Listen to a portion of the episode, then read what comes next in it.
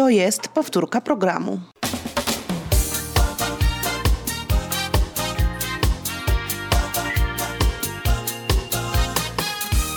Dzień dobry, Gliwice. Minęła godzina 10.30. No gdzie mi tu, gdzie mi tu jakieś kury? O psach dzisiaj ma być. Pan Jacek Gołuszka z drugiej strony. Mm, Dzień dobry panu. Dzień dobry. Pan dzisiaj zapracowany, jakieś wykłady, spotkania. Tak.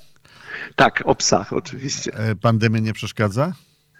Znaczy mamy akurat kurs zawodowy, czy Aha. praktyczne zajęcia kursu zawodowego. Jesteśmy w lesie, także pogoda piękna, las, zdrowe powietrze. Mam nadzieję, że wszyscy e, nabierzemy też sił do dalszej pracy. Rozumiem. Radiowa Szkoła e, Przyjaciół Psów Wesoła Ławka. Pan Jacek Gołuszka przed mikrofonem.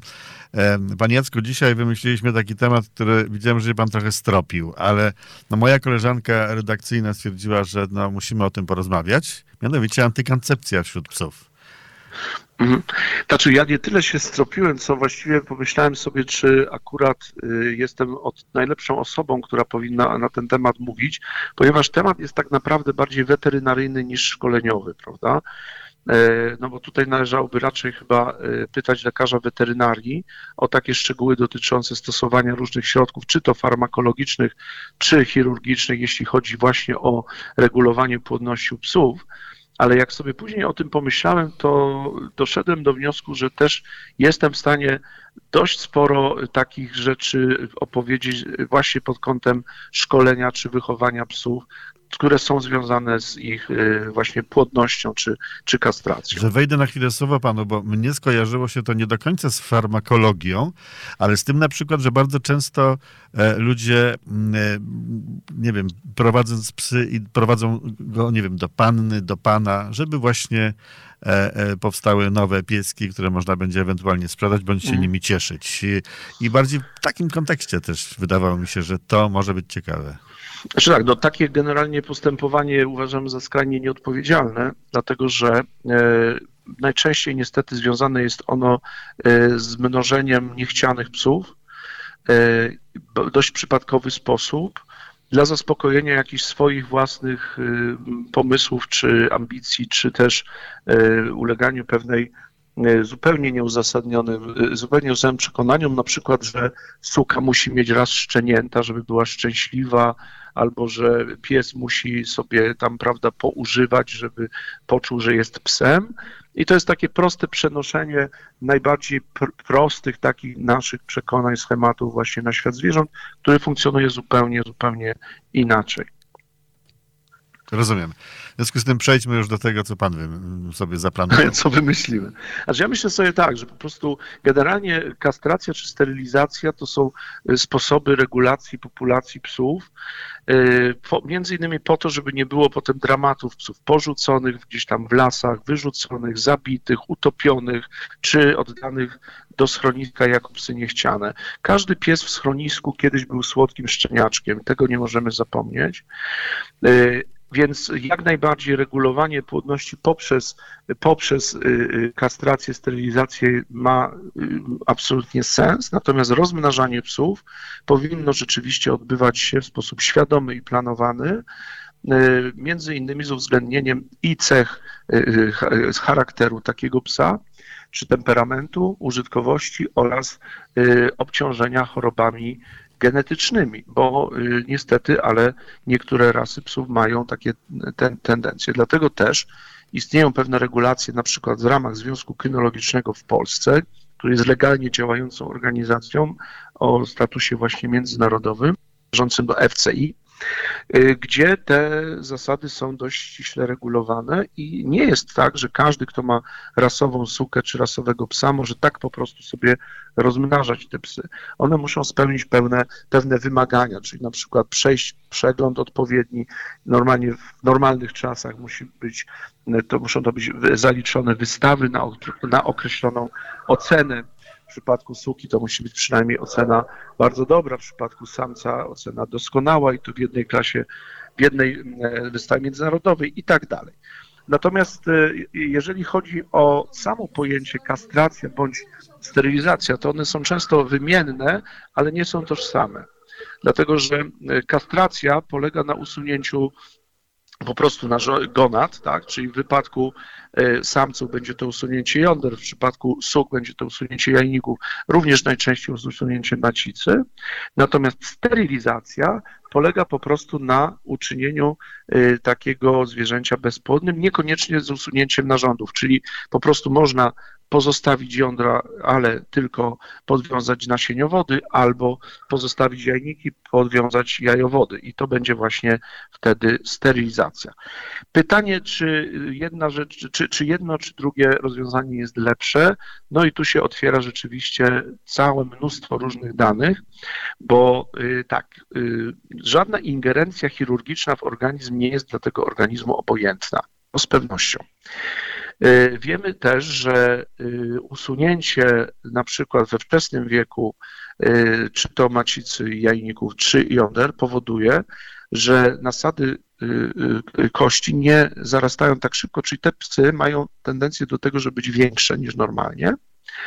Poza tym E, u zwierząt y, kastrowanych mogą pojawiać się rozmaite problemy, których zwierzęta właśnie nie, niekastrowane nie mają.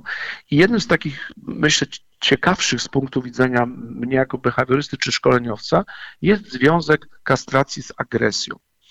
E, I jeżeli chodzi o samce, to zwłaszcza w okresie dojrzewania, większość samców ma takie tendencje do tego, żeby po prostu wypróbowywać swoich sił i prowokować, e, zwłaszcza starsze psy, do e, takich potyczek.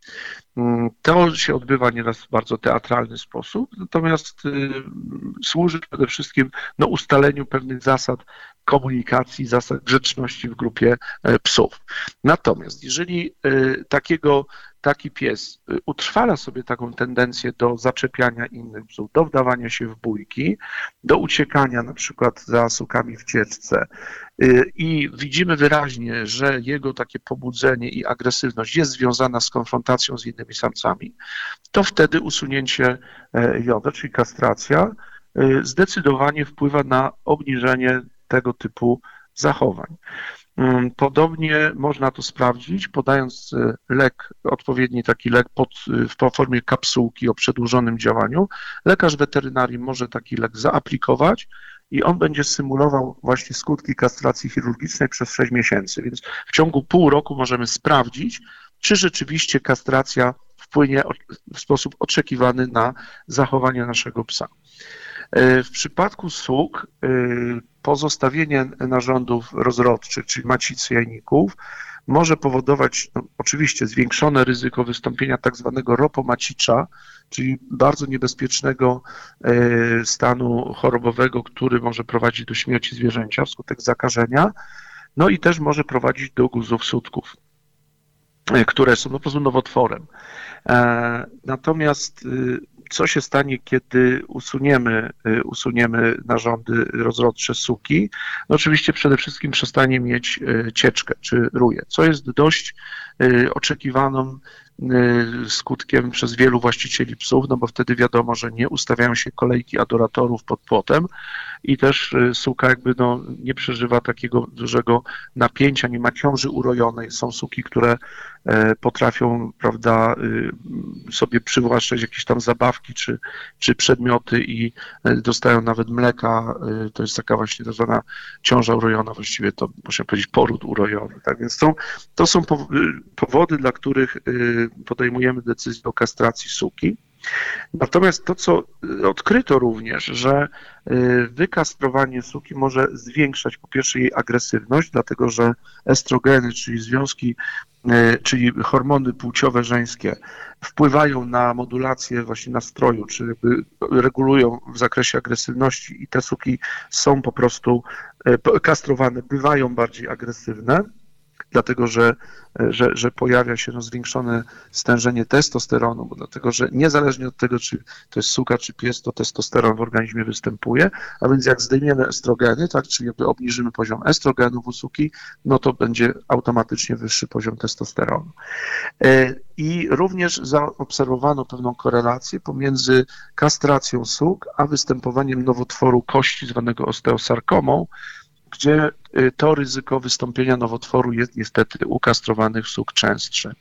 Nie jest ono jakieś tam dramatycznie duże, ale jest częstsze. Więc tak jak powiedziałem, wszystko ma swoje y, ciemne i jasne strony. Podejmując decyzję o y, kastracji psa, musimy się kierować właśnie zarówno tym, że nie chcemy rozmnażać w sposób nieodpowiedzialny psów, które, których i tak jest dużo w schroniskach.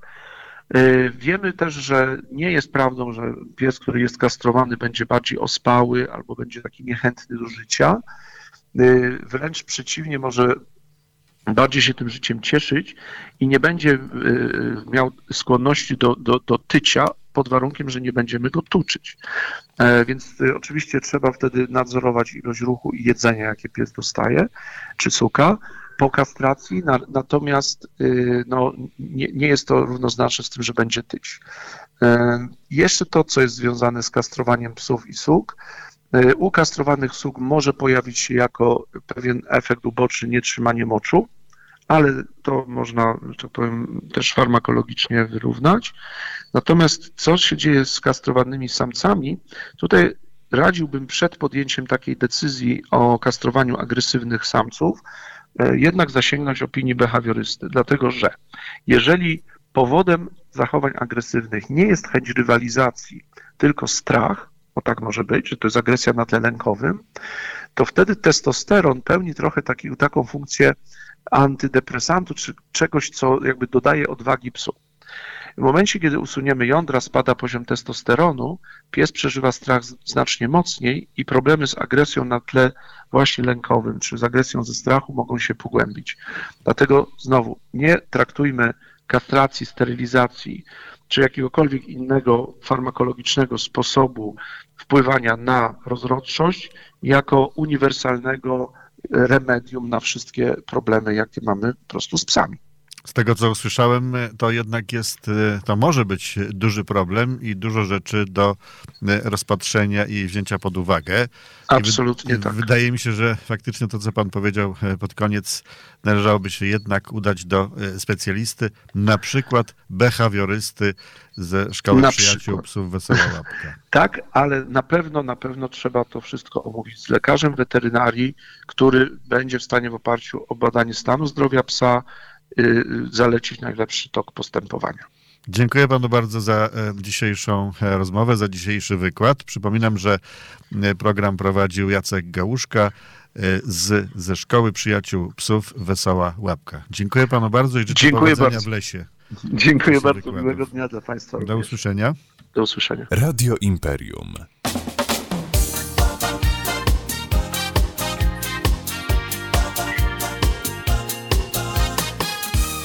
Dzień dobry, Gliwice. To była powtórka programu.